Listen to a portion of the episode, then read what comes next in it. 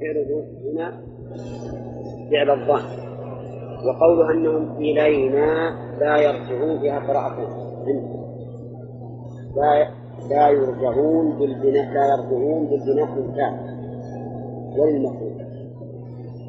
بالبناء للفاعل كيف أنطق؟ لا يرجعون.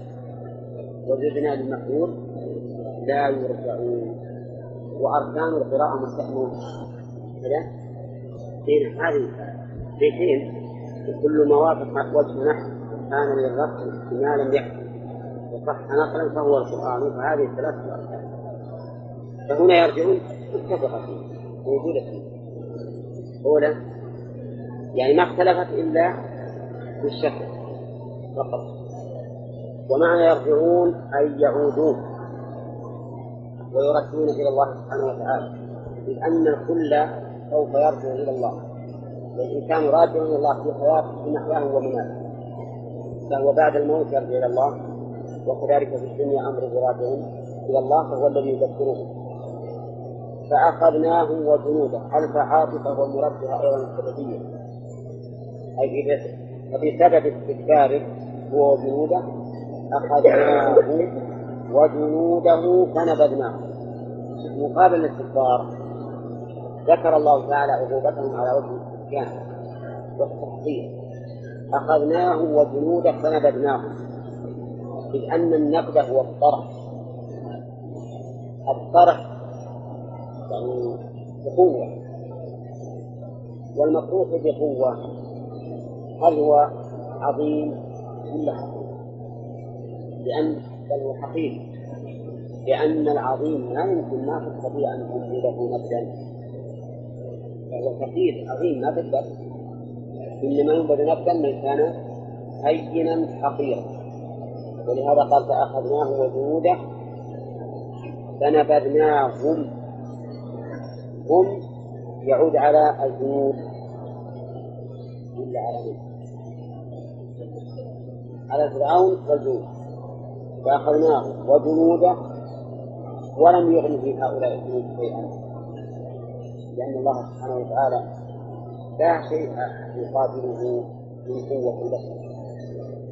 فنبذناهم طرحناهم في اليم قال البحر المالح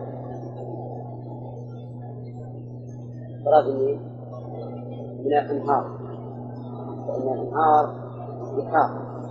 لكنها غير مالحة قال الله تعالى الذي مرج البحرين هذا عذب فرات سائغ شرابه وهذا من انفجار وقال مرج البحرين يسقيان فسمى الله تعالى الانهار والبحار المالحه سماها بحارا وقولها البحر المالح هذا بيان للواقع الذي الذي نبذ فيه فرعون وجنوده لأنهم نبذوا في بحر الخير أو القلزم وهو البحر الأحمر الذي بين جدة ومصر هذا الذي غرق فيه فرعون وقومه فنبذناهم في اليم وانظر إلى الحكمة في أن الله سبحانه وتعالى أغرقهم إغراقا عندنا لأن فرعون كان يفتخر بأنهاره ويقول لقومه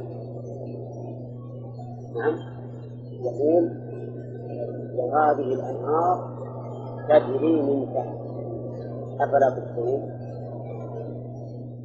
أم هنا خير من هذا الذي هو مهين ولا يكاد يبين افتخر بالماء فأغرق به؟ إيه قال يا قوم إليكم في ملك مصر وهذه الأنهار تجري من تحتها أفلا تبصرون؟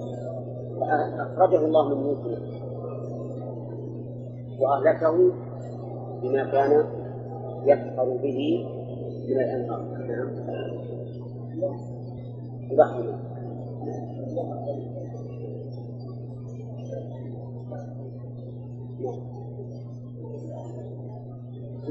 لأن لأن البحر المالح بعيد عن الجنوب ما ينتفع بالبحر المالح نعم. إلا قال فانظر كيف كان عاقبة الظالمين. فانظر. الخطاب لمن؟ انظر. يعني يا محمد أو انظر أيها القارئ أو السامع.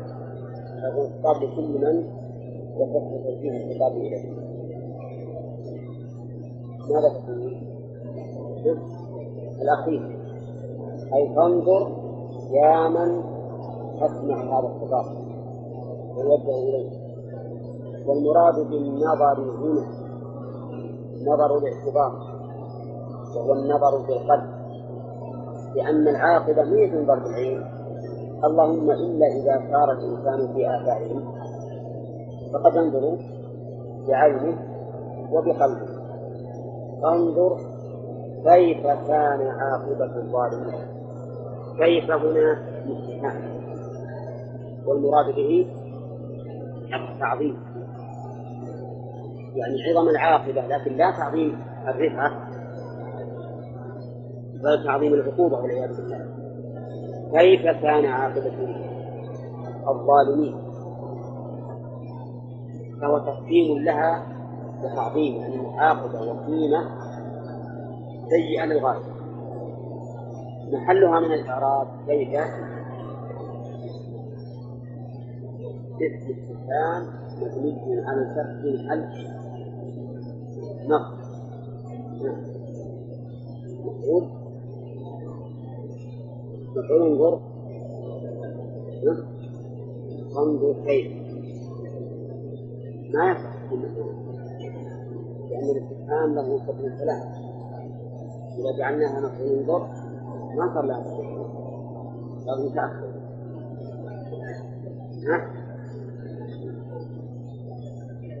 في فعلا يقول في صحيح إن مفعولين لكن أنا أريد إعراب فقط. لا خبر. ليس اي نعم خبره مقدم. انظر كيف كان عبد كيف هنا اسم استفهام فتح خبر مقدم بكان وتقديم خبره هنا واجب ولا جائز؟ واجب. كيف كان عاقبة الظالمين؟ عاقبة بمعنى عقبة. وهي هذا صيغة اسم الفاعل والمراد العقبة. والظالمين هم الذين نقصوا حقوق أنفسهم وحقوق رسولهم. لأن الظلم في الأصل النقص. قال الله تعالى كيف الجنة بينها مثلها ولم تظلم منه شيء. أي لم تنقص. وقول كيف كان عاقبة الظالمين؟ المراد بالظالمين هنا الكافرين ولا لا؟ نعم الكافرين لأنه يشير إلى ما جرى لفرعون وقومه. وهم ظالمون ظلم كفر. لأن الظلم ينقسم إلى قسمين. ظلم كفر وظلم معصية بنصر وفي قوله تعالى فلكم رؤوس أموالكم لا تظلمون ولا تظلمون. مثل مراد ظلم المعصية مراد ظلم المعصية وفي قوله تعالى والكافرون هم الظالمون. المراد ظلم الكفر. وفي قوله وما ظلمون ولكن كانوا انفسهم يظلمون. شامل للأمرين. كامل للأمرين. الكفر وما دونه فانظر كيف كان عاقبة الظالمين حين صاروا إلى الهلاك. إلى الهلاك بأكثر الأمور وهو الماء وهذه من حكمة الله سبحانه وتعالى أن يأخذ كل إنسان في ذنبه كما قال الله تعالى في سورة العنكبوت كلا أخذنا بذنبه. أي بما يقتضيه ذنبه من الحقوق عاد استكبروا في الأرض. وتحدثوا وقالوا من أشد منا قوة قال الله تعالى أولم يروا أن الله الذي خلق خلق. هو أشد منه قوة وقول خلقهم ولم يقل أن الله أشد. كالتدبير لكونه أشد منه. لأن الخالق بلا غير أقوى من المخلوق. بماذا أخذوا؟ أخذوا بألطف الأشياء وهي الريح. أرسل الله عليهم الريح فقرأ عليهم سبع ليال وثمانية أيام حسوما كل أيام الدهر. وتتلين كل أيام الدهر. لو شاء الله لأرسلها عليهم بليلة واحدة ودمرتهم تدميرا لكن لحكمة أراد أن يتعذبوا أكثر. ما أخذتهم جميعا أخذت مثلا بدأت الأطراف وصار يشوف بعض البعض. يصعد إلى أعلى السماء ثم يأتي على رأسه. كأنهم أعداد في القوم وهذا أشد أشد العقوبة. لأن لو جاءتهم مرة واحدة ودمرتهم نعم. ما كانت ماتوا وهلكوا وانتهى الأمر. لكن هذا أشد. طيب إذا هنا أغرقوا باليم لأنهم والعياذ بالله قال وجعلناهم في الدنيا أئمة بتحقيق الهمزتين أئمة وإبدال الثانية ياء يقال أئمة أئمة والقراءة هنا تبعية قال رؤساء في الكفر. لأن الإمام هو القائد الذي يتبع يتبع. فهو والعياذ بالله رؤساء في الكفر. وليسوا رؤساء فقط رؤساء متبوعين نعم. في الشرك نعم. رؤساء في الشرك. يعني متبوعين الإمام هو المتبوع المعنى أنهم كانوا قادة والعياذ بالله إلى الشرك. لكن هذا يقول المؤلف جعلناه في الدنيا أئمة. لو أنه أخر في الدنيا لكان قال وجعلناهم أئمة في الدنيا. يدعون إلى النار. يعني حقيقة الأمر أن إمامتهم في الكفر متى؟ في الدنيا. إمامتهم كانت في الدنيا. فهم جعلوا في هذه الدنيا أئمة يعني متبوعين يقتدى بهم في الكفر فكل من أتى بعدهم وكان كفره كفارا فإنه مقتد به فإنه مقتد به وقوله يدعون إلى النار مثل الإمامة يدعون إلى النار بالقول أو بالفعل. فيهما جميعا. فهم قبل أن يهلكوا يدعون بالقول وبالفعل.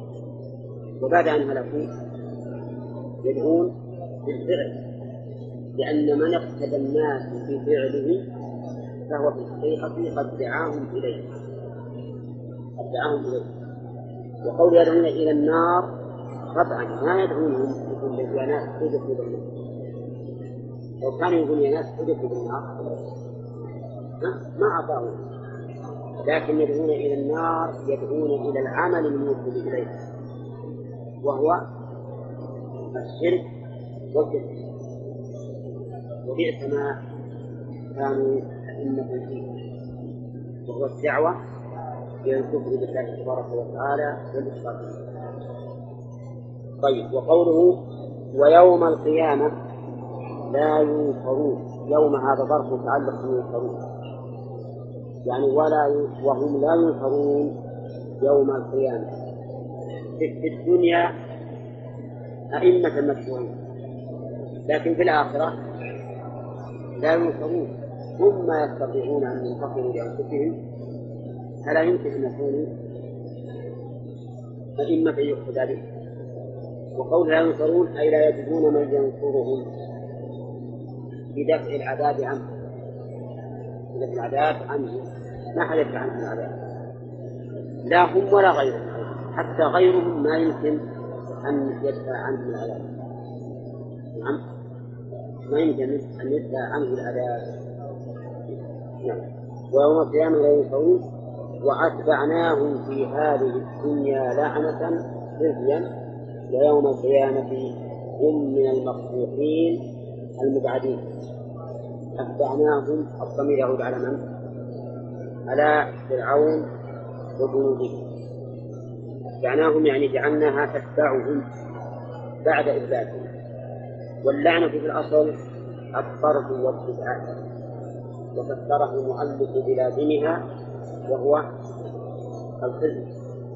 أي أنه كل من ذكرهم يلعنهم كل من ذكرهم يلعنهم ويطردهم ويبتعد عنهم ولكن لا منافاة بين ما هنا وبين قوله وجعلناهم أئمة يدعون إلى النار. لأن الذي يأتم بهم هم الموافق لهم على كفرهم. أما من لم من لم يهتم بهم فإنه يلعنه وقوله لعنة من الله ولا من غيره؟ منه ومن غيره. قال الله تعالى أولئك يلعنهم الله ويلعنهم اللاعنين فمن لعنه الله لعنه المؤمنون بالله. قال ابن مسعود رضي الله عنه في لعن الناموس والمتنمسة قال وما لي لا ألعن من لعنه رسول الله صلى الله عليه وسلم. ويوم القيامة هم من المخطوفين يوم القيامة أيضا ظرف متعلق إما بمخطوف حال منهم. يعني وهم حال كونهم يوم القيامة من المخطوفين أو متعلق بالمخطوفين ليبين عليه ما تقدم لنا من أن ال اسم موصول واسم الموصول لا يعني ما بعده فيما قبله.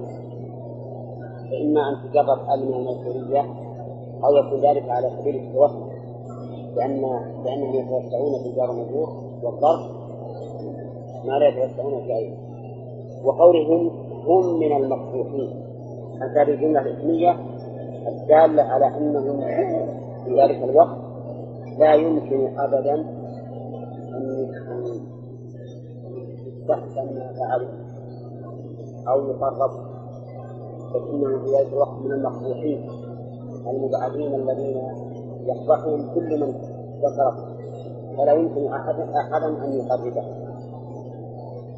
إذا عوقب هؤلاء والعياذ بالله الذين كانوا يدعون إلى النار عوقبوا بأمرين.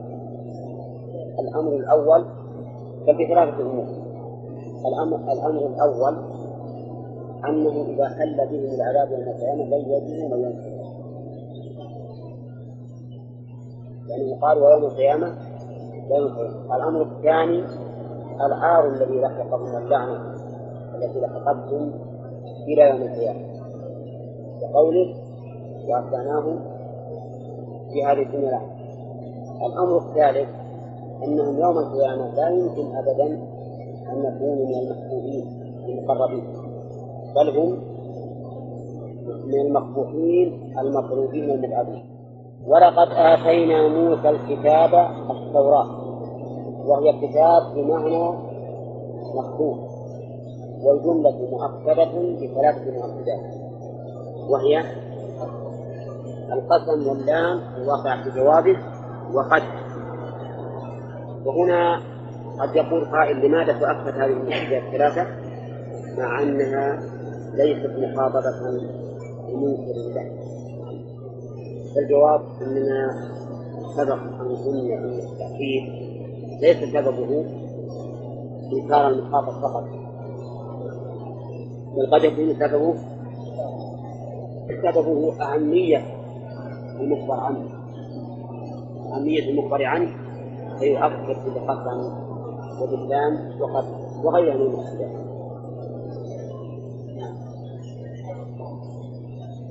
ها؟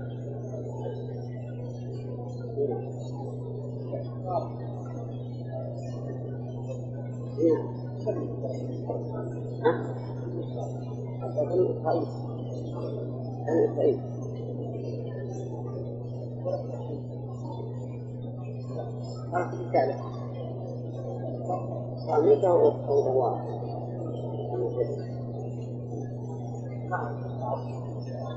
إيه. لآمن من أو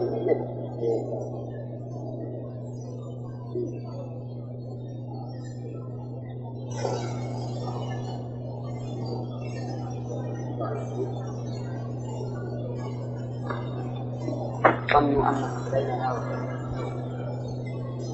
يستفاد من هذه الآية. بيان حال فرعون وجنوده لأنهم قوم مستكبرون عن الحق. متعلون عليه. ثانيا يستفاد منها أيضا أن من استكبر عن الحق ففيه شبه من فرعون وجنوده ومنها من فوائد الآية وجوب الرجوع للحق. الإنسان يجب عليه أن يرضى بالحق. سواء وافق هواه أم خالفه. ومنها أن الاستكبار بل أن المستكبر ليس له حق في الاستكبار كقوله بغير الحق. ومنها أيضا أن هؤلاء المستكبرين يعملون عمل من لا يظن أنه يرجع إلى الله. لأن من ظن أنه يرجع إلى الله فلم يستكبر عنه لأنه يخاف منه. لكن الذي يستكبر هو من ظن أنه لا يرجع إلى الله سبحانه وتعالى. ومنها إثبات الباب لأن قوله وظنوا أنهم كانوا يرجعون في سياق الذنب ويقتضي أن رجوع الله أمر ثابت والاستفاد من قوله فأخذناه وجنوده فنبذناه في الجنة فانظر كيف كان عاقبة الظالمين. من أن الذنوب سبب للعقوبة لأن الحكم فيه سببية ومنها بيان عظمة الله سبحانه وتعالى. حيث أخذ هؤلاء الكتاب بما له من القوة ونبذه نبذا كما ينبغي الإنسان من واحد من الخير. نعم. وليس هذا تشبيه تشبيها بل أنه لم يبال به ولم يعجب الله سبحانه وتعالى ومنها حكمة الله سبحانه وتعالى حيث كان إهلاك فرعون وقومه بالناس الذي كان يفتخر به. في قوله يا قوم أليس لي ملك مصر وهذه الأنهار تجري من تحتي أفلا تبصرون فإن هذا الذي كان يفتخر به كان محل هلاكه ومنها أن فرعون قد هلك في من هلك. لأن قوله تعالى فاليوم ننسيك بدنك ليس معناه حي باق وإنما الذي أنهي وظهر للناس هو بدنه فقط ليكون لمن خلفه آية. لأن بني إسرائيل كما قال في العلم قد أرعبهم فرعون فلولا أنه خرج حتى شاهدوه ببدنه لكان عندهم نوع من القلق. الهلك أو ما هلك؟ فإذا شاهدوه وتوكلوا وزال عنهم القلق فإذا هو هالك في من هلك كقوله فنبذناهم ومنها أي من فوائد الآية أنه يطلب من المرء إما وجوبا أو استحبابا أن يتأمل في عاقبة الظالمين. فانظر كيف كان عاقبة الظالمين. ويتقرر على هذه الآية أنه ينبغي لنا أن نستعر بعاقبة هؤلاء ولا نظلم مثلهم. لأن دام عاقبة الظالم الهلاك فإن الإنسان يخشى أن يهلك إذا ظلم. ومنها أن الظلم محرم لأنه سبب للعقوبة. وما كان سببا للعقوبة فإنه محرم وسواء كان الظلم للنفس أو وإنه محرم بجميع أنواعه. قال الله تعالى في الحديث القدسي يا عبادي إني حرمت الظلم على نفسي وجعلته بينكم محرما فلا تظالموا. وجعلناهم أئمة يدعون إلى النار ويوم القيامة لا ينصرون. يستفاد من هذه الآية؟ حكمة الله حكمة الله سبحانه وتعالى في مثل فرعون وقومه. أن إجابة حكمة. لأن الله قادر على أن يجعل الناس على الهدى لكنه سبحانه وتعالى له الحكمة في أن يوجد مثل هؤلاء القوم الذين يدعون إلى النار يدعون إلى النار. من حكمة الله تعالى في من خلق من أهل الشر وأنهم بلاء ومنها إثبات الإمامة في الشر وما هي ثابتة في الخير؟ انظر إلى هذه في آل فرعون. وانظر إلى هذه في بني إسرائيل. فجعلناهم أئمة يهدون بأمرنا لما صبروا وكانوا بآياتنا يؤمنون الفرق بين من يهدون الناس بأمر الله أو يقودونهم بشريعته وبين من يدعون إلى النار. ومن فوائده أيضا أن الدعاء إلى النار وإلى الخير أيضا. كما يكون بالقول يكون بالفعل. يكون بالقول ويكون بالفعل. وأيهما أقوى؟ قد يكون الدعاء بالقول أقوى. وقد يكون الدعاء بالفعل أقوى. نعم. إنما على كل حال الدعاء بهذا وبهذا ثابت. فإن الإنسان في الناس بمقاله وبحاله ومنها إثبات يوم القيامة. في قوله ويوم القيامة لا ينصرون وسمي يوم القيامة بأمور ثلاث أنه يقوم الناس فيه من قبورهم إلى رب العالمين وأنه يقام فيه العدل. كما قال تعالى ونضع الموازين القسط يوم القيامة. وأنه يقوم فيه إنا لننصرون كما ظلمنا عن الدنيا ويوم يقوم فلهذا سمي يوم القيامة عظام لماذا؟ لماذا سمي يوم القيامة؟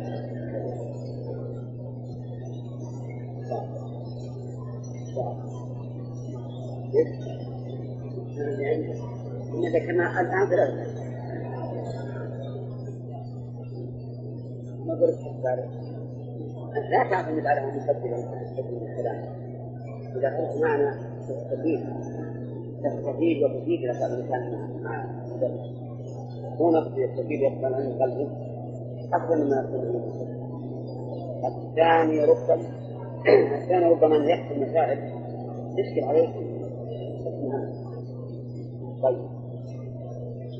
ومنها أيضا خلال من الآية الكريمة أن آل فرعون لا ناصر لهم في الآخرة. ومثلهم من كان على شاكلة من المسلمين عن الحق فإنهم لا يجدون من ينصرهم من عذاب الله إذا نزل بهم في ذلك اليوم وأتبعناهم في هذه الدنيا لعنة ويوم القيامة هم من المقبوحين. يستفاد من هذه الآية أن عقوبة آل فرعون كانت ممتدة إلى يوم القيامة. بذكرى الشيء أحدهم وأتبعناهم في هذه الدنيا لهم. فإن كل من ذكر على فرعون يذكرهم بالسوء والبغض والكراهية. ومنها أيضا من فوائد الآية تحقير الدنيا إن قوله في هذه الدنيا إشارة القريب بجنوب مرتبتها وأنها دنيا. والدنيا مؤنث إيه؟ أدنى مؤنث أدنى وهي من الفنون الحسي والمعنى أما الدنو الحسي فبفضلها على الآخرة. فهي أدنى إلى المخلوقين من الآخرة وأما الدنو المعنوي فلما تتضمنه من النقص من جميع كمالاته فما من كمال في الدنيا إلا وهو ناقص. ما من كمال في الدنيا إلا وهو ناقص. والآن لو تأملت جميع المصالح والمنافع الدنيوية تجدها مكتوبة بالضرر والخطر حتى الزمان كما قال يوم علينا ويوم لنا ويوم النساء ويوم الفقر لو تأملت هذا لوجدته نعم. وعلى هذا نقول الدنيا يثبت ذلك. بأمرين الدنو الحسي والمعنى الدنو الحسي قرب. بكفها الآخرة والدنو المعنوي أن ما في شيء منا كامل إلا وهو مخلوق في طيب. ومن فوائد الآية أن اللعنة والعياذ بالله التي اتبعت هؤلاء التعليمين تكون عليهم في الآخرة. وقوله يوم القيامة هم من المخلوقين لأن المبدع معناه المبعد المخلوق والطرد هو اللعن واللعن هو الطرد والبعد قال الله تعالى ولقد آتينا موسى الكتاب. آتينا بمعنى أعطينا. هذا يحدث بالدرس آتينا بمعنى أعطينا. واعلم أن إيتاء الله سبحانه وتعالى ينقسم إلى قسمين. إيتاء شرعي. وإيتاء قدري وما تعلق بالكون والخلق فهو إيتاء قدري وما تعلق بالشرع فهو إيتاء شرعي. ولو أنهم رضوا ما آتاهم الله ورسوله هذا إيتاء شرعي. هذا إيتاء شرعي. والمراد به قسم الصدقات. أو الحج مثل آتينا موسى الكتاب. شرعي ولا قدري؟ أو قدري. لأن الإنزال إنزال القرآن التي تتعلق بمشيئته لا بالشرع. العمل بالكفر العمل بالكفر لا ما لأن أصل الإنسان قدري يتعلق بمشيئته له قدر لكن العمل به شرع وقولها آتينا موسى الكتاب موسى مفعول أول لآتينا والكتاب ثاني وهي من باب ظن. من باب من باب لأنه إذا لم يكن الأول مبتدأ والثاني خبر فهو مبتدأ قلت موسى الكتاب يطلق ما فكل مفعولين لا يصح أن يكون أحدهما مبتدأ والثاني خبرا فهما من باب وما صح أن يكون مبتدأ خبرا فهما من باب ظن. وقولها الكتاب يقول التوراة وهو فعال بمعنى مفعول لأن التوراة مكتوبة. الله تعالى كتبها بألواح وأعطاه منها. وقال من بعد ما أهلكنا القرون الأولى متعلق بآتينا أعطيناهم إياه. من بعد ما أهلكنا القرون الأولى. القرون جمع قرن. والمراد بهم الأمم. وقد يراد به الفترة من الزمن. ومقدارها مئة سنة. فالقرون تارة يراد بها الأمم. وتارة يراد بها أحقاب الزمن. وهنا المراد أحقاب الزمن ولا الأمم؟ الأمم لأن أحقاب الزمن ما تهلك. الذي يهلك؟ الأمم. أهلكنا القرون الأولى قوم نوح وعاد وثمود وغير وغيرهم. قوم نوح. عندي وعاد عندكم عادا ولا لا؟ ما تشكيل ما فيها تشكيل ما فيها ما فيها ألف ما فيها ألف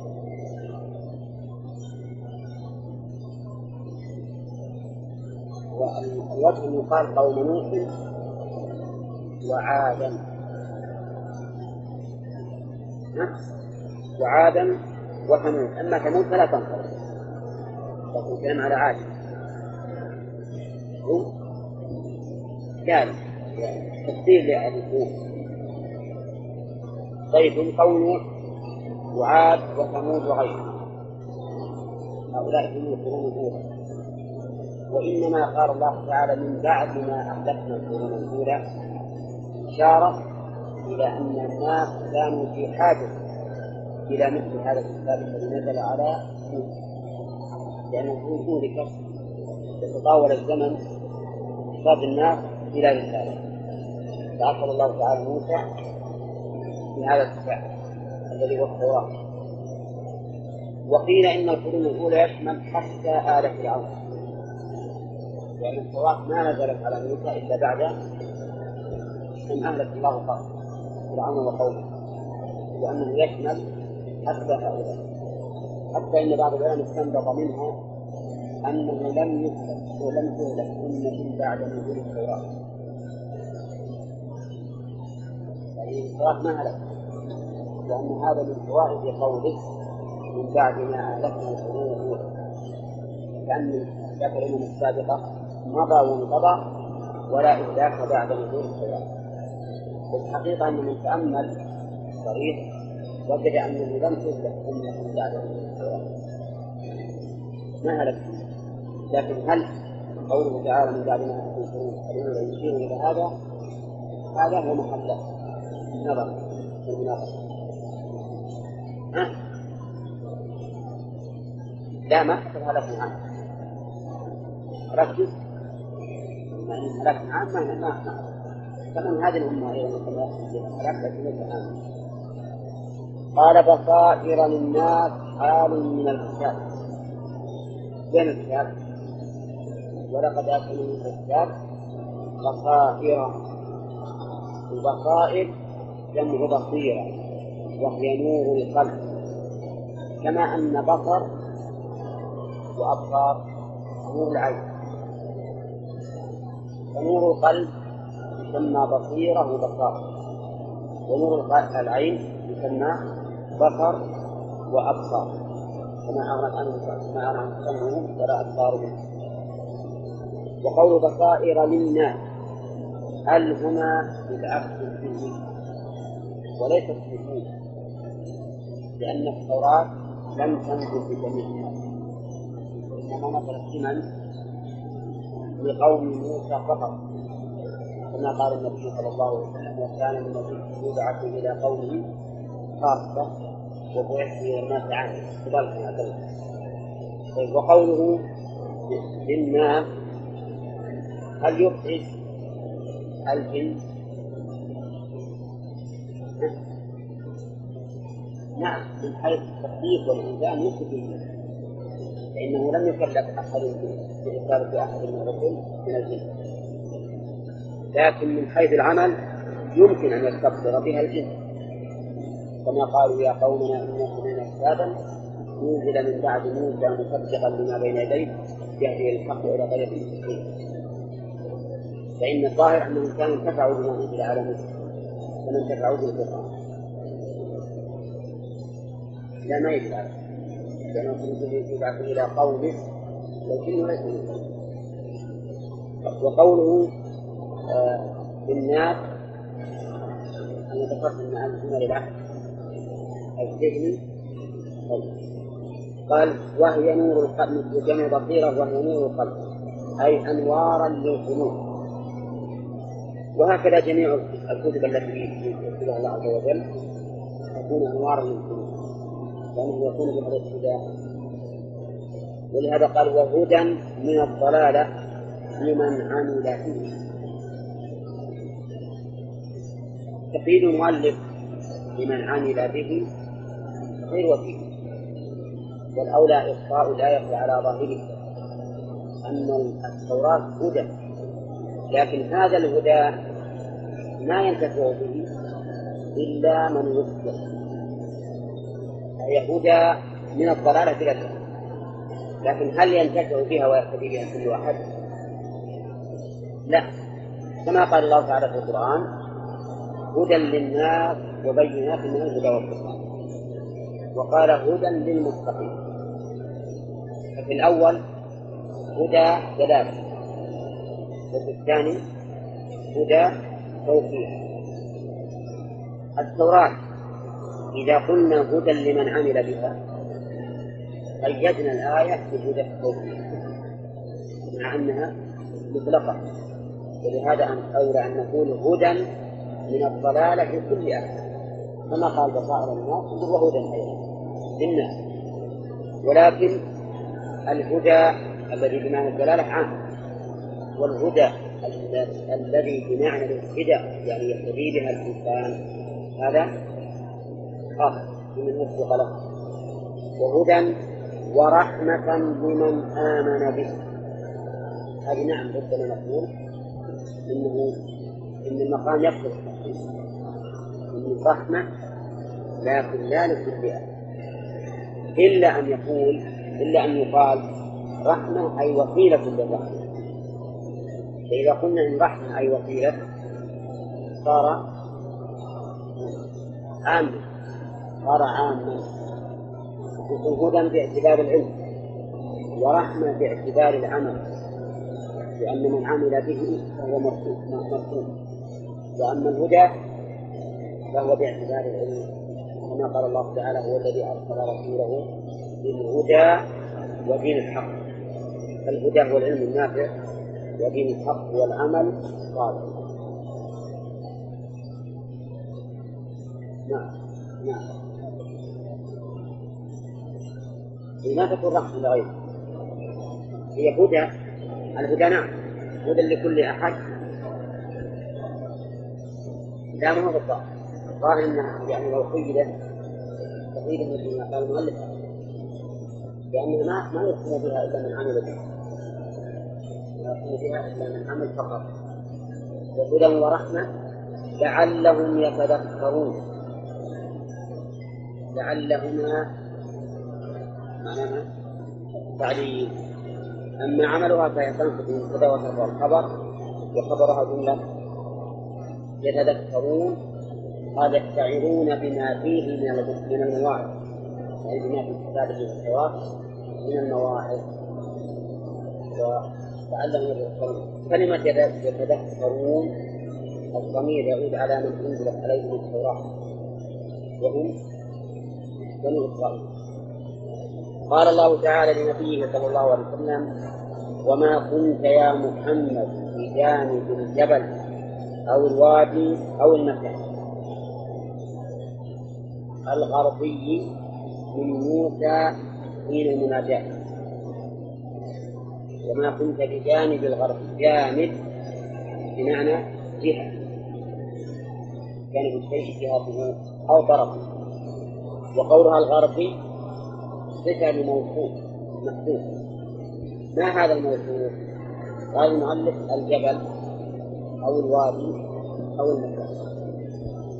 وأو هنا ليست للتكبير ولكنها للتمييز لأن بعضهم يقول المراد به الجبل. وبعضهم يقول المراد به الوادي. وبعضهم يقول المراد به المكان. كلمة المكان أعم لأنها تشمل أن يكون واديا أو جبلا. وموسى كما تعلمون يوجد من جانب الطور وهو في الوادي المقدس. فالآية صادقة والذي يصدق الوادي أو المكان أو الجبل هو كلمة المقربين. بل هم من المقبوحين المطرودين المبعدين ولقد آتينا موسى الكتاب التوراة وهي كتاب بمعنى مكتوب والجملة مؤكدة بثلاثة مؤكدات وهي القسم واللام الواقع في جوابه وقد وهنا قد يقول قائل لماذا تؤكد هذه المؤكدات الثلاثة؟ مع أنها ليست مخاطبة بمنكر له فالجواب أننا سبق الجانب الغربي. منه يعني كان يقال بالجانب الغربي من الجبل ويكون ذلك إضافة الموصوف إلى صفته. مثل ما يقال المسجد الجامع أي المسجد الجامع. على هذا التقرير الأخير يكون المراد الغربي من نفس الجانب الجانب الغربي أي بالجانب الغربي من الجبل. أما على رأي المؤلف فهو يقول بجانب الغربي بجانب المكان الغربي. كذا بجانب الغربي من موسى وهو يكلم الله.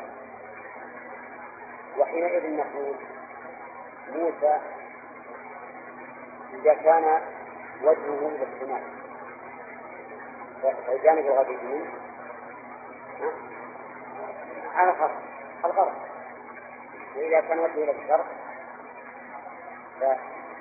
فالجانب الغربي منه. يكون وراء. يكون وراء.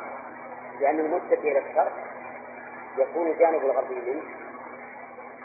خلف وأنا الآن ما أتصور هل كان موسى بجانب جبل الشرق أو من وعلى كل حال فالغربي نسبة الغربي نسبة قد تكون مثلا تقييم غربا بالنسبة لمكان وشرقا بالنسبة لمكان آخر بالنسبة مثلا للمدينة تكون شرقا شرقا أو جنوبا وبالنسبة للكويت تكون غربا. المهم إنك ما كنت بذلك الجانب. حين المناجاة قضينا أوحينا إلى موسى الأمر بالرسالة إلى فرعون وقومه. إذ قضينا يقول المؤلف أوحينا وعلى هذا فالقضاء شرعي ولا كوني؟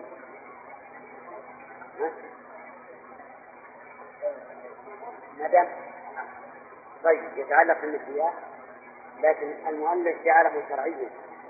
يعني قرينا الأمر الأمر بالرسالة يعني أمرناه به. جعل الأمر هنا واحد الأوامر وليس واحد الأمور. وإذا جعلناه واحد الأوامر صار هنا المراد بالقضاء الشرع القضاء الشرع.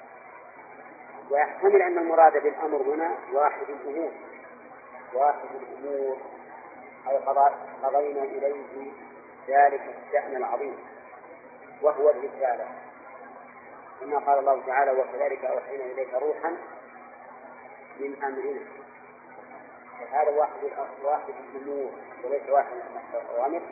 وعلى هذا فيكون القضاء كونيا والقضاء كما تعرفون ينقسم إلى قسمين قضاء كوني وقضاء شرعي فالقضاء الكوني لا بد من وجود المقصود. والقضاء الشرعي قد يوجد وقد لا يوجد. والقضاء الكوني يكون محبوبا إلى الله ويكون مكروها إليه. والقضاء الشرعي لا يكون إلا محبوبا إليه. لأنه من الأمر. فمثلا قوله تعالى وقضينا إلى بني إسرائيل في الكتاب لتفسدن في الأرض مرتين ولتعلمن علوا كبيرا. هذا قضاء قول. يحبه الله ولا يكرهه؟ يكرهه. وقضى ربك أن لا تعبدوا إلا إياه؟ هذا قضاء شرعي لأنه لو كان قضاء كونيا للازم أن الناس كلهم يعبدون الله. وليس أمر كذلك وقضينا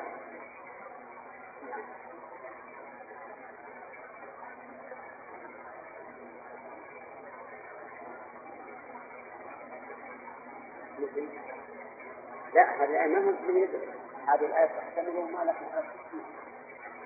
مو على تحتمل ما على التحسين لا على أما الاجتماع ما يمكن إلا في أمر وقع. مثلا لو قلنا قضى الله تعالى لأبي بكر أن يؤمن.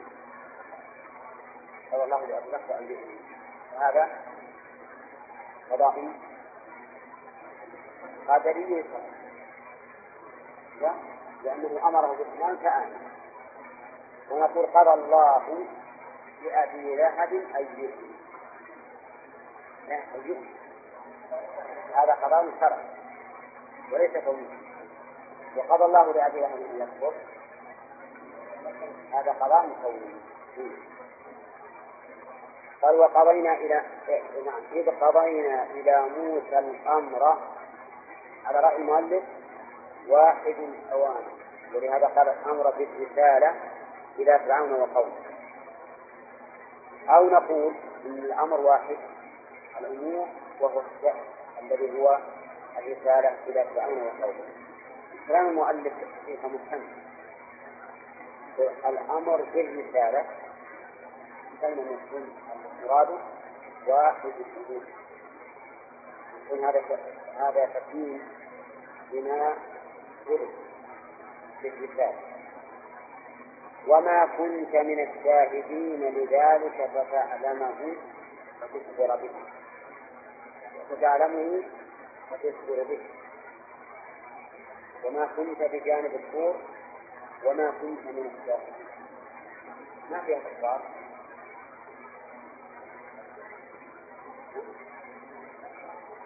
لا تجزم والله لكن الأصل عدم التكرار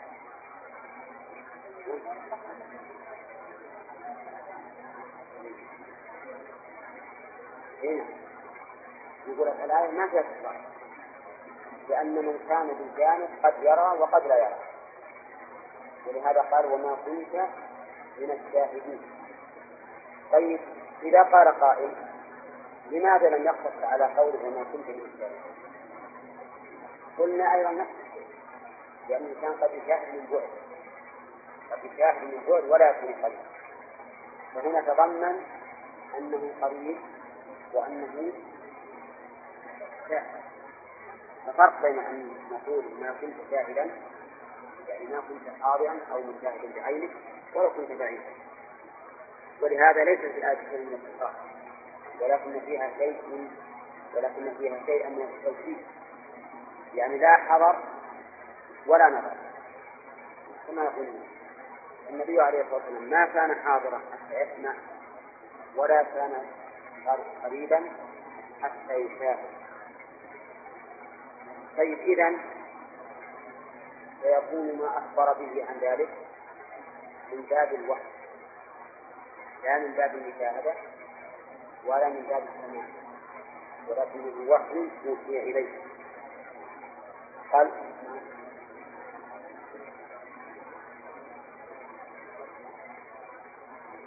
أي لا الوحي بالصفات الوحي بالصفات نعم. أي هذا على خلاف على خلاف. كما سيأتي أيضا في هذا يقول وما كنت ولكنا أنشأنا قرونا أمما من بعد موسى. أنشأنا أي أوجدنا وخلقنا أمما فتطاول عليهم العمر تطاول أي زاد الحدود. التاء والألف بالمبالغة وقول العمر المعنى الزمن. لأن الأعمار هي الأزمان قال أي طالت أعمارهم كانت العهود واندرست العلوم وانقطع الوحي. فجئنا بك رسولا وأوحينا إليك خبر موسى وغيره قوله ولكنا أنشأنا الاستدراك هنا ما يقتضي إبطال ما سبق. يعني ليس المعنى وما كنت من الشاهدين ولكنا أنشأنا قرونا فشهدت ولكن من هذا الاستدراك لتقرير ما سبق. والمعنى أن العهود طالت وأنت لست بشاهد. ولا بحاضر ولما طالت العهود صار الناس محتاجين إلى الرسالة. فأوحينا إليك بما جرى وأرسلناك إلى الناس. الله.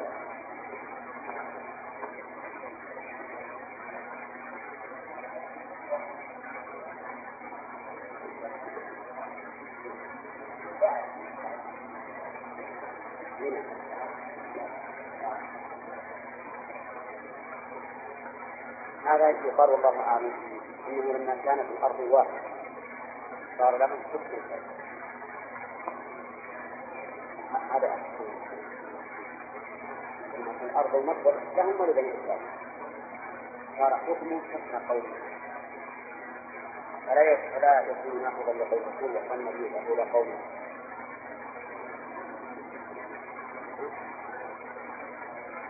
كيف؟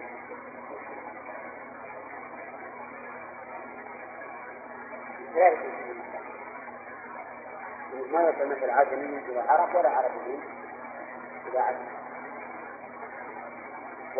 وهؤلاء القوم داموا في أرض واحدة. في أرض واحدة بلا رسول واحد سواء كنا من طريق يتأثر من الأطراف أو بالعكس.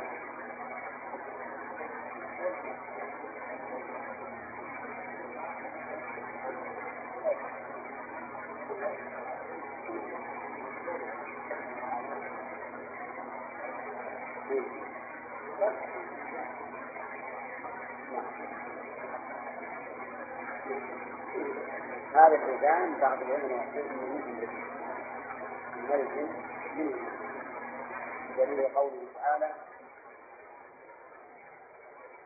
فينحشرهم جميعا من عند الله. لقوله تعالى ولقد آتينا موسى الكتاب. وهي أحد الكتب الثلاثة الباقي أثرها وهي الإنجيل والقرآن. ويستفاد منه أن إتيان التوراة كان بعد إهلاك الأمم السابقة ومنهم فرعون. واستنبط منها بعض العلماء من قول برمها في الأولى أنه لم تهلك أمة على العموم بعد نزول التوراة. ومن قول ما أهلكنا القرون وكأنه بعد نزول التوراة ما أهلك أحد من القرون وهذا الاستنباط ليس ببعيد لأن الواقع يصدقه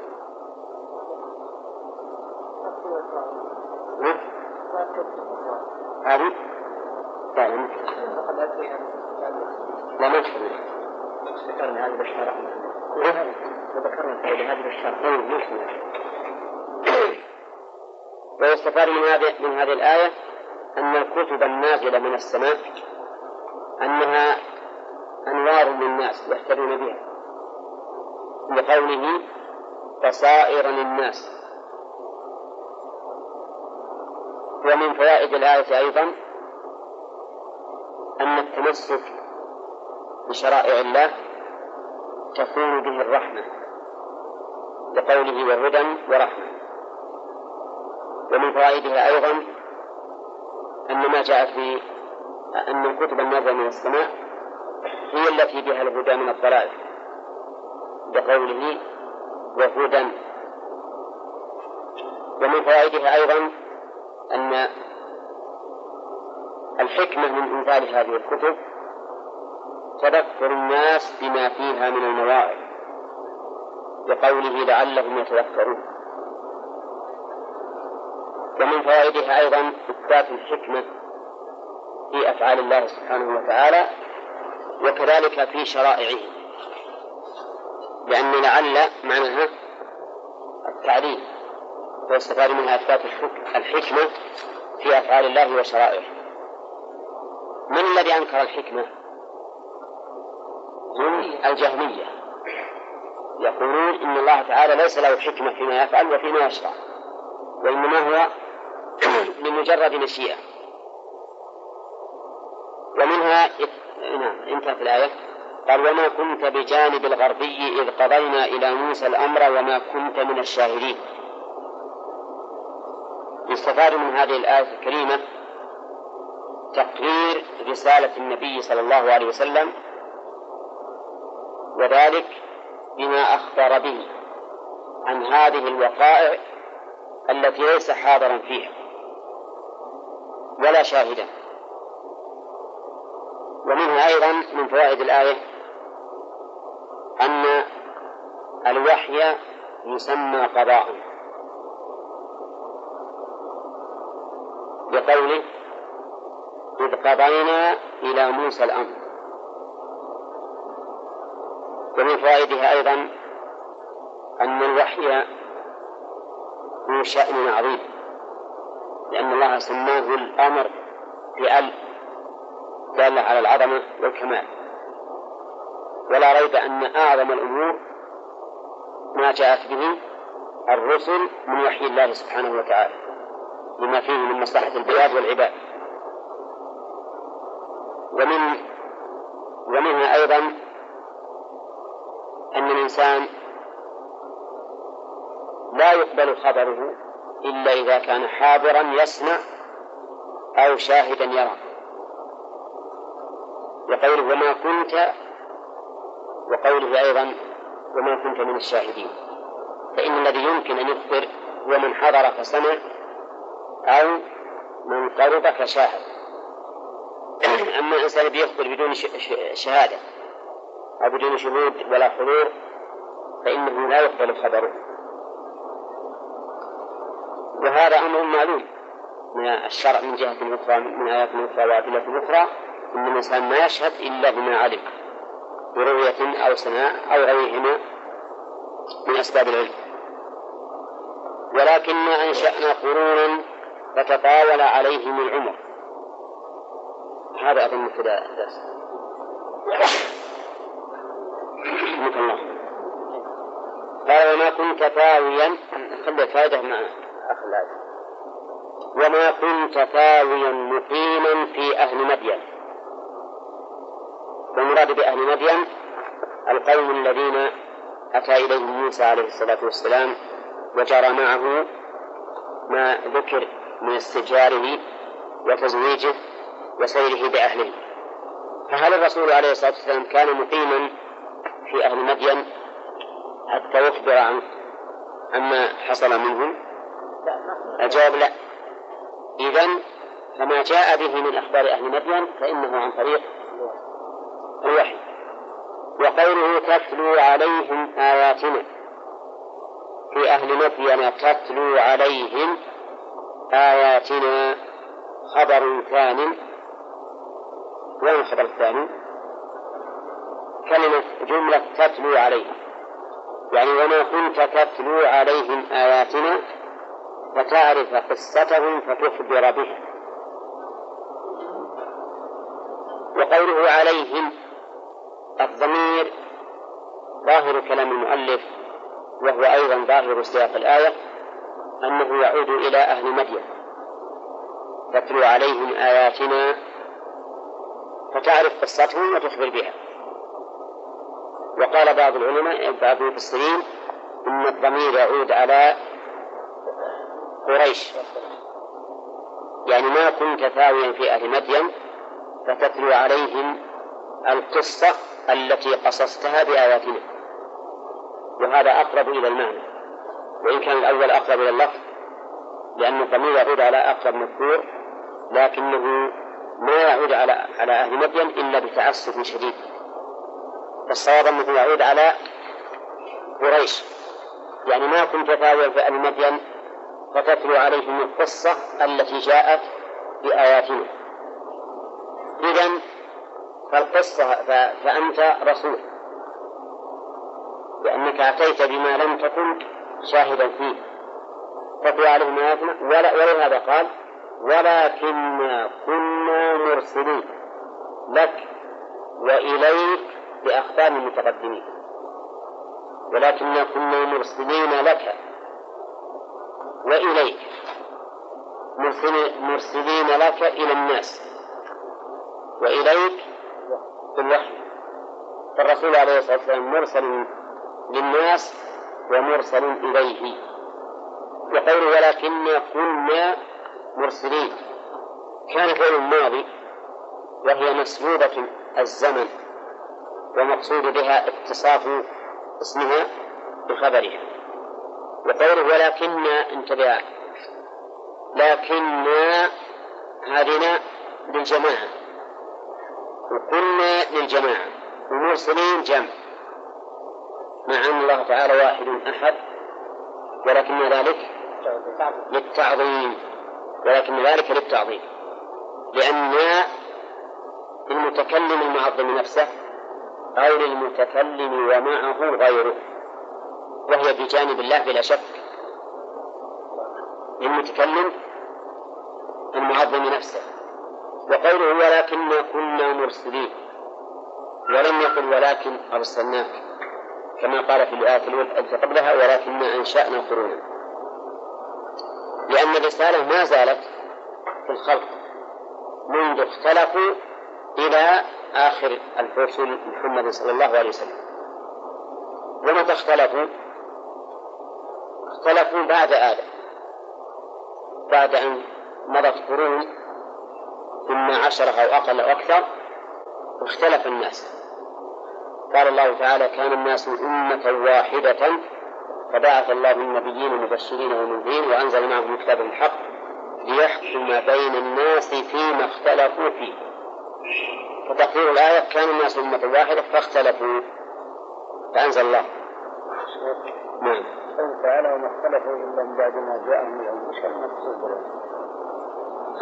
اللي بالوحي. لكن المراد هذا اختلاف بني إسرائيل. لما جاءهم هدى بينهم هذا لبني إسرائيل. أما الأولى كان الناس أمة واحدة فبعث الله النبيين المبشرين وفيها قراءة لكنها غير سبعية فاختلفوا فبعث الله.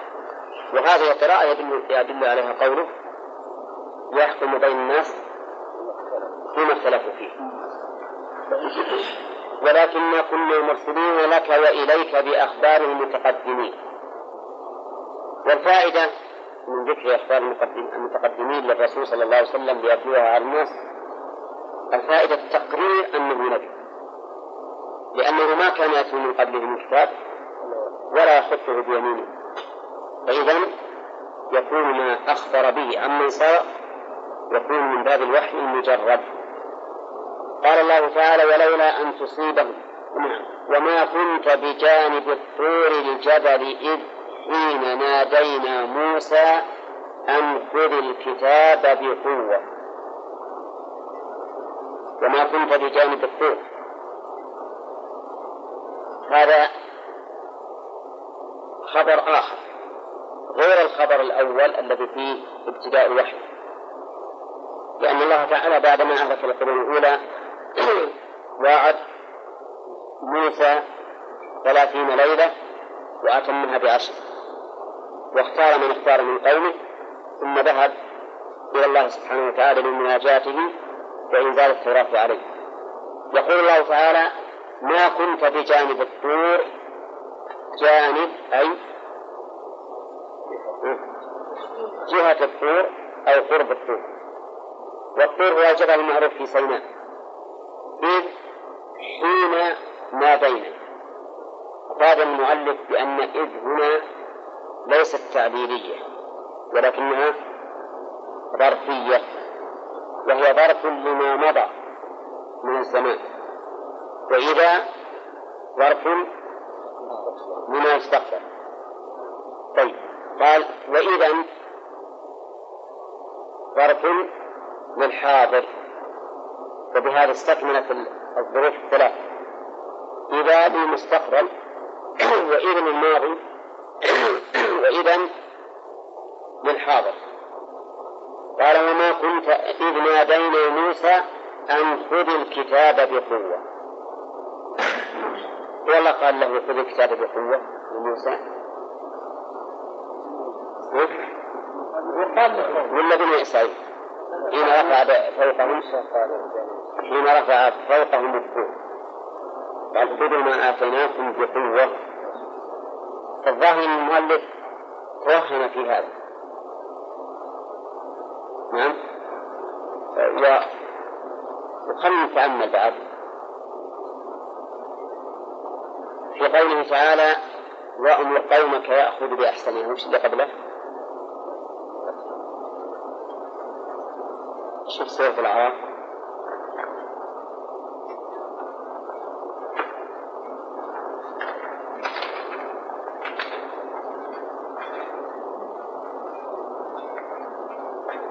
سورة الأعراف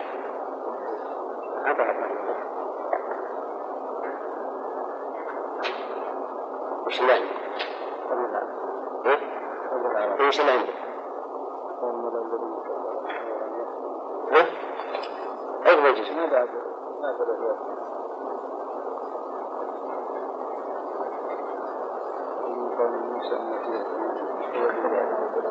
فلما سكت عن موسى الغضب أخذ الألواح وكتبنا له في الألواح وعرف لكل شيء وكتبنا له في الألواح من كل شيء. موعظة وتفصيل لكل شيء فخذها بقوة. وأمر قومك يأخذ بأحسنه إذا قول المؤلف أن خذ الكتاب بقوة بالمعنى أتى بها. وإلا فالله يقول فخذها أي الألواح اللي فيها التوراة. بقوة يصير إذا أمر موسى أن يأخذها بقوة أن يأخذ الألواح بقوة فعلى كل حال كلام المؤلف إذا صواب. بس إنه أتى به بالمعنى لا باللفظ. وكتبنا له في الألواح من كل شيء موعظة وتفصيلا لكل شيء. فخذها بقوة. أي خذ هذه الألواح بقوة وأمر قومك يأخذ بأحسنها. يقول الله عز وجل ولكن أرسلناك رحمة من ربك. فادنا أن قوله رحمة مفعول لأجلها عاملها محذوف تقدير أرسلناك رحمة. وقول رحمة ليس المعنى أنه هو الرحمة ولكن المعنى أنه أرسل للرحمة ليرحم به.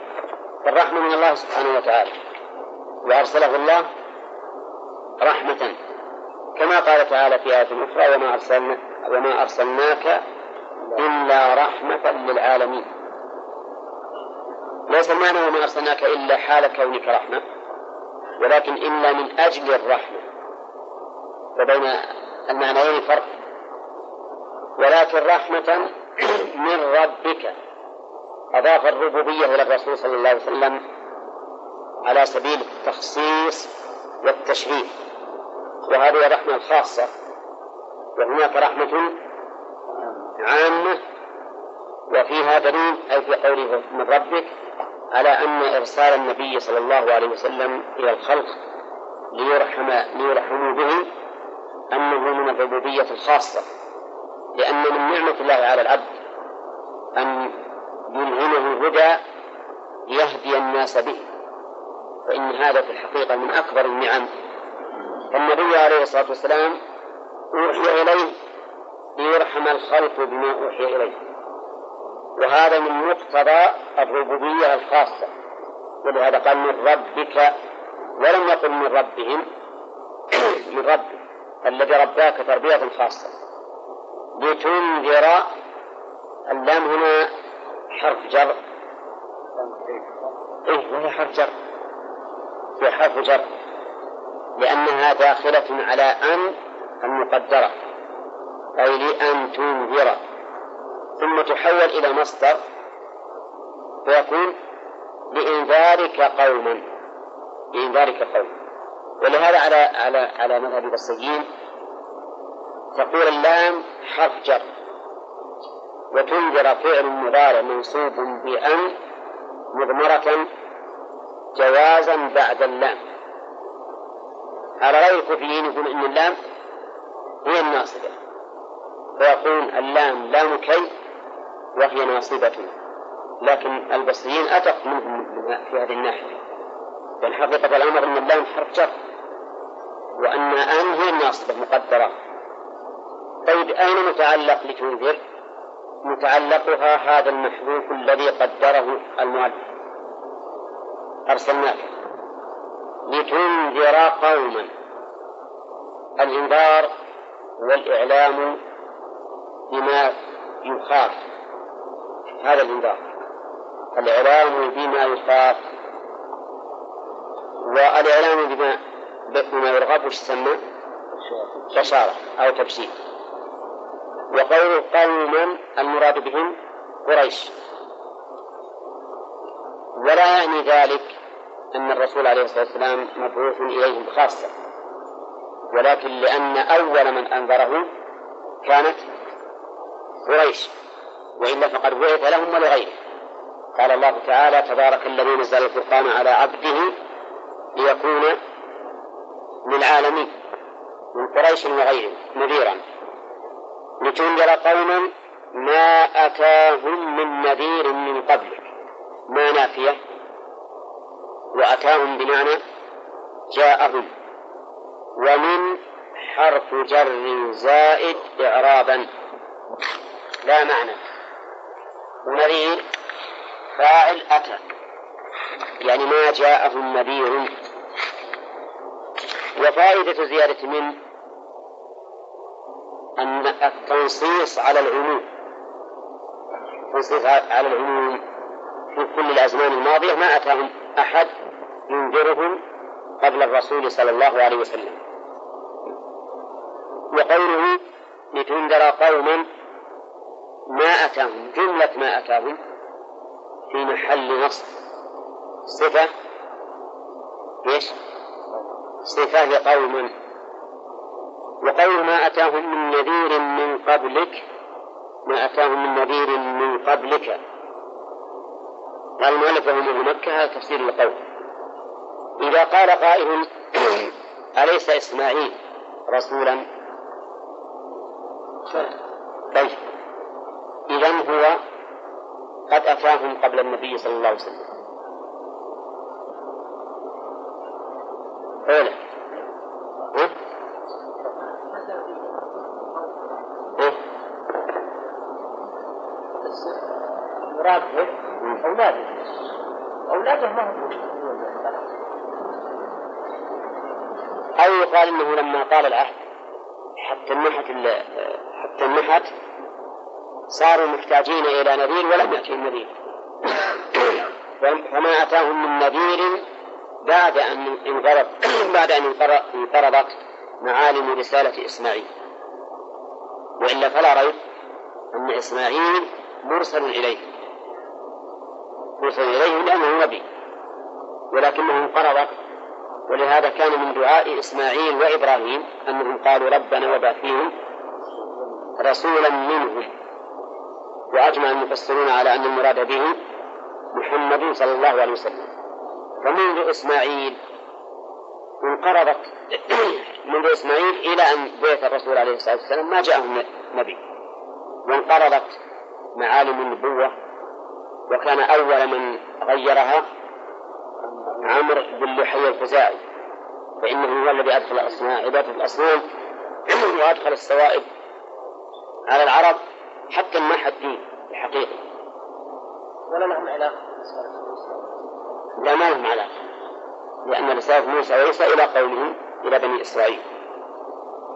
لتنذر قوما ما أتاهم من نذير من قبلك لعلهم يتذكرون. لعل هذه للتعليل وهي متعلقة بتنذر. تنذرهم لأجل أن يتذكروا أي يتعظوا بما جئت به. وهذه التعليل سنذكر في الفوائد إن شاء الله ما فيها فائدته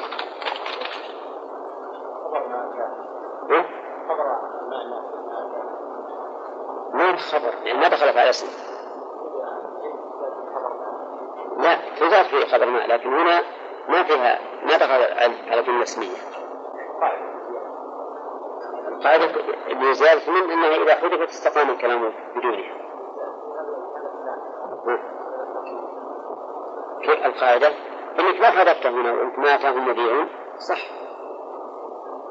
فهو دليل على زيادتها ولولا أن تصيبهم مصيبة عقوبة بما قدمت أيديهم من الكفر وغيره فيقول ربنا لولا هلا أرسلت إلينا رسولا فنتبع آياتك المرسلة آياتك المرسلة بها ونكون من المؤمنين.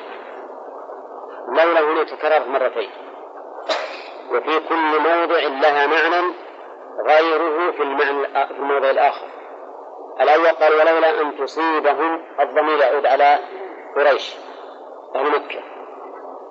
وإصابة الشيء بمعنى نزوله يعني تنزل بهم مصيبة.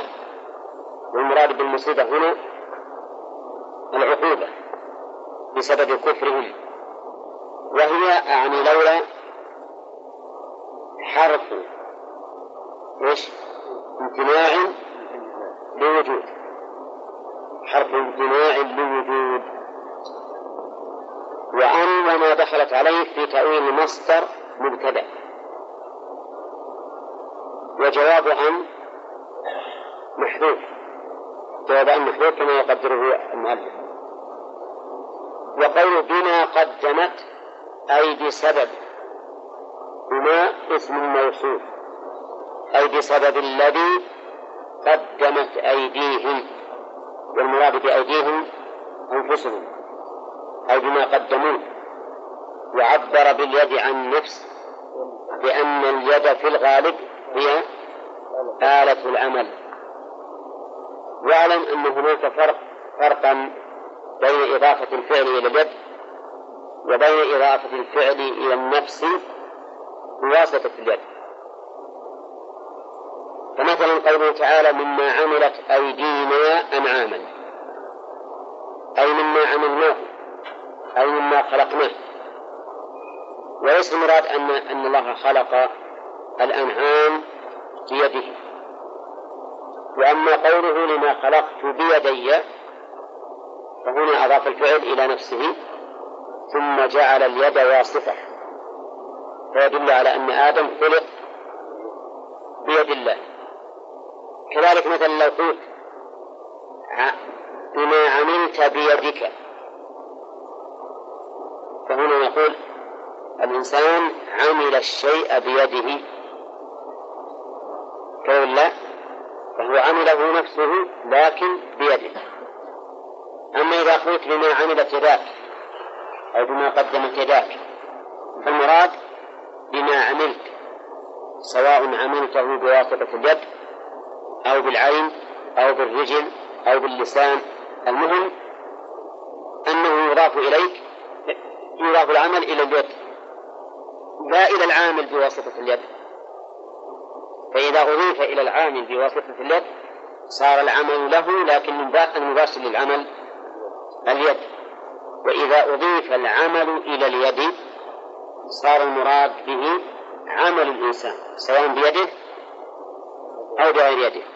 فقوله بما قدمت أيديهم ليس كقوله بما قدموا بأيديهم.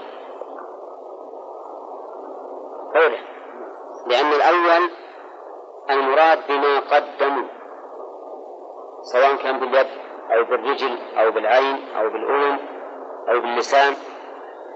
وقوله بما قدمت أيديهم من الكفر وغيره صحيح أن المصائب ما تكون إلا بالمعاصي. وما أصابكم من مصيبة فبما كسبت أيديكم ويعفو عن كثير.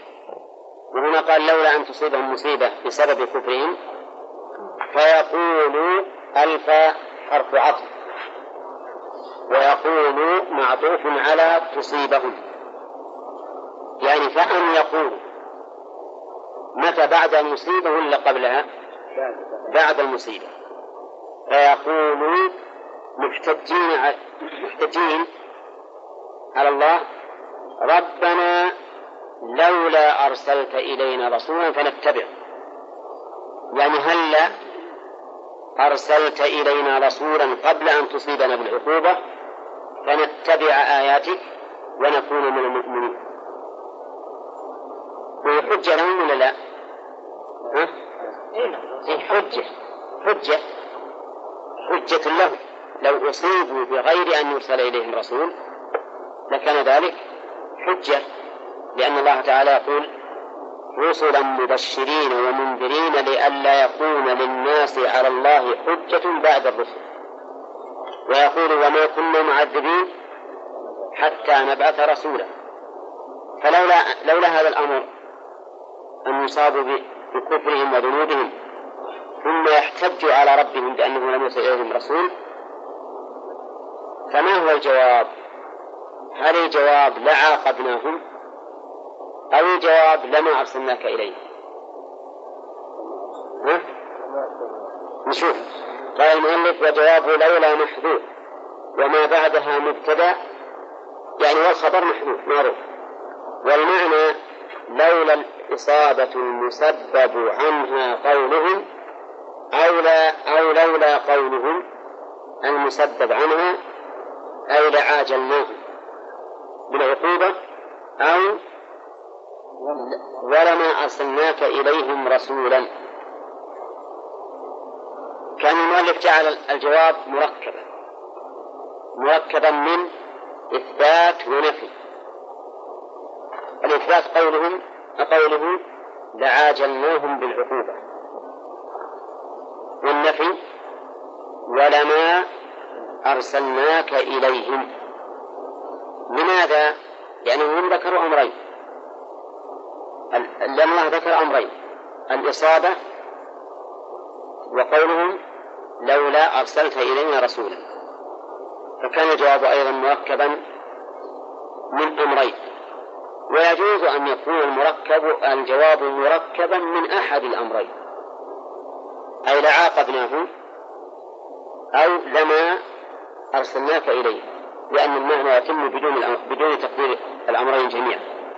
وعلى هذا فتكون الواو هنا في كلام المؤلف بمعنى أو بمعنى أو.